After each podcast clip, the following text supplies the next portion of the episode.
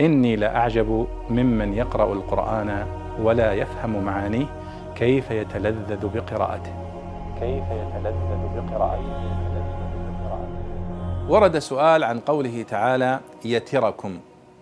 في سورة محمد في قوله تعالى فلا تهنوا وتدعوا إلى السلم وأنتم الأعلون. والله معكم ولن يتركم أعمالكم. يتركم هنا بمعنى ينقصكم من أجور أعمالكم شيئا. يتركم ينقص أجوركم أو يبطلها أو آه، يظلمكم بعدم آه، جزائكم عليها.